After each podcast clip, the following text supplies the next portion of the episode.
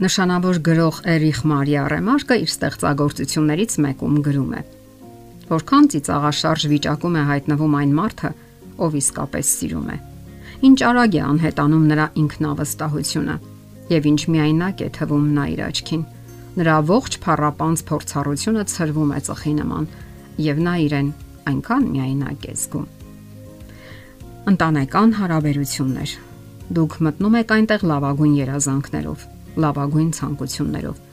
Մտածում եք, որ վերանալու են նախկին դժվարությունները եւ նոր կյանքը ձեր առջև բացելու է իր ողջ հմայիչ ու անսովոր կողմերը, որոնք շոշափում են մարդու ողջ էությունը։ Այդ ամենն անկասկած գեղեցիկ է եւ միանգամայն սпасելի։ Սակայն ամուսնական կյանքը մի նոր իրականության առաջ է կանգնեցնում կողմերին։ Դա կարելի է անվանել անգամ տհաճ ճշմարտություն։ Իսկ ճշմարտությունն այն է, որ երկու տարբեր անznավորություններ փորձում են թե պահպանել իրենց ինքնուրույնությունը եւ թե մի լինել իրենց նպատակներով ու ձգտումներով։ Իսկ այդ գործընթացը այնքան էլ թեթև չի անցնում եւ հոգեբանական եւ ֆիզիկական ոլորտներում, որտեղ հաճախ են տարաձայնությունները եւ անգամ վեճերը։ Խնդիրներ են առաջանում նաեւ սեռական հարաբերությունների, ընտանիքի գումարի, հանգստի, ժամանցի, երեխաների դաստիարակության հետ կապված։ Եվ իրադարձությունները զարգանում են ոչ այնպես, ինչպես դուք եք ծրագրավորում։ Ասենք որ ամուսնական հարաբերություններում կողմերը փոփոխությունների կարիք ունեն։ Այլ կերպ հնարավոր չէ ունենալ բնականon միություն։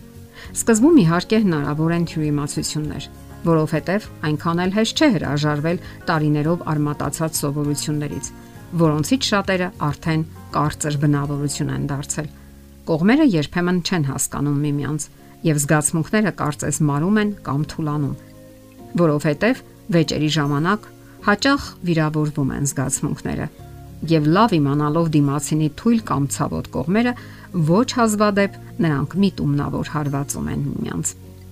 կամ մարզական լեզվով ասած կիրառում են անթույլատրելի հնարքներ, երբ չի թույլատրվում հարվածել գոտկատեղից ներքև։ Սրանք խոր ցավոտ վերքեր են թողնում եւ դժվարացնում հետ դարձի ճանապարհը։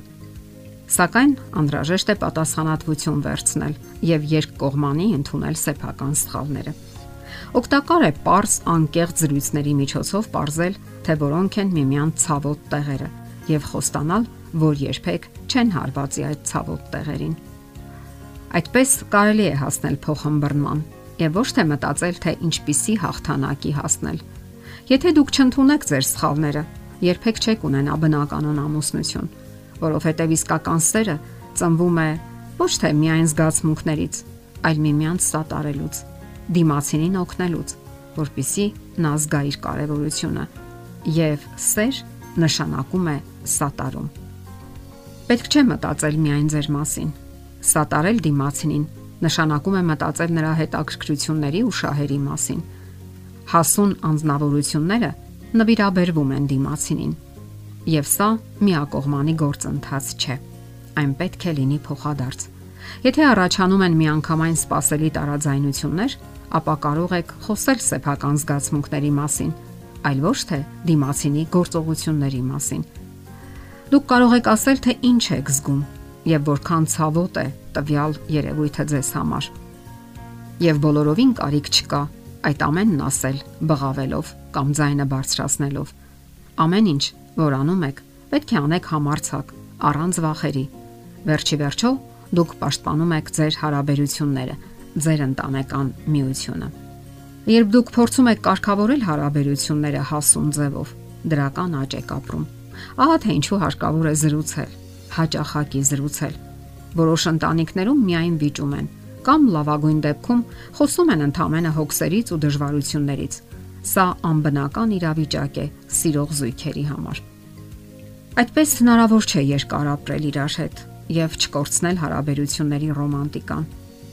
Զրուցեք ձեր հարաբերությունների մասին Մի վախեցեք ցույց տալ ձեր թուլություններն ու անհանգստությունները,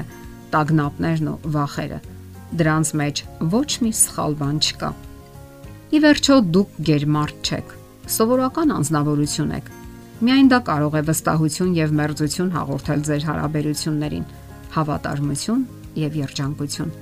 Այն կարող է թարմացնել զգացմունքները, նոր գիրք հաղորդել հարաբերություններին։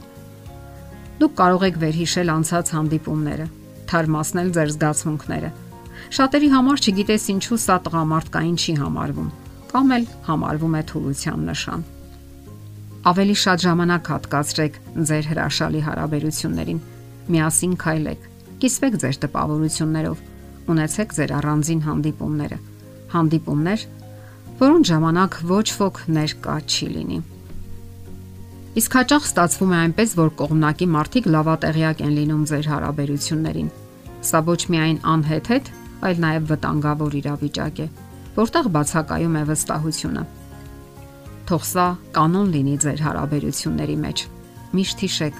ոչ մի կողմնակի մուտք ձեր հարաբերություններում եւ ոչ մի կողմնակի միջամտություն։ Ձեր հարաբերությունները կարգավորվում եւ ուղղորդվում են միայն ձեր կողմից։ Ահա թե ինչու սերը միայն զգացմունքները չեն, այլ սատարումը հնարավոր բոլոր ոլորտներում։ Դե ինչ, փորձեք սատարել միմյանց։ Եթերում ընտանիք հաղորդաշարներ։ Ձեզ հետ է Գեղեցիկ Մարտիրոսյանը։ Հարցերի եւ առաջարկությունների դեպքում զանգահարեք 094 08 2093 հեռախոսահամարով։ Հետևեք մեզ hopmedia.am հասցեով։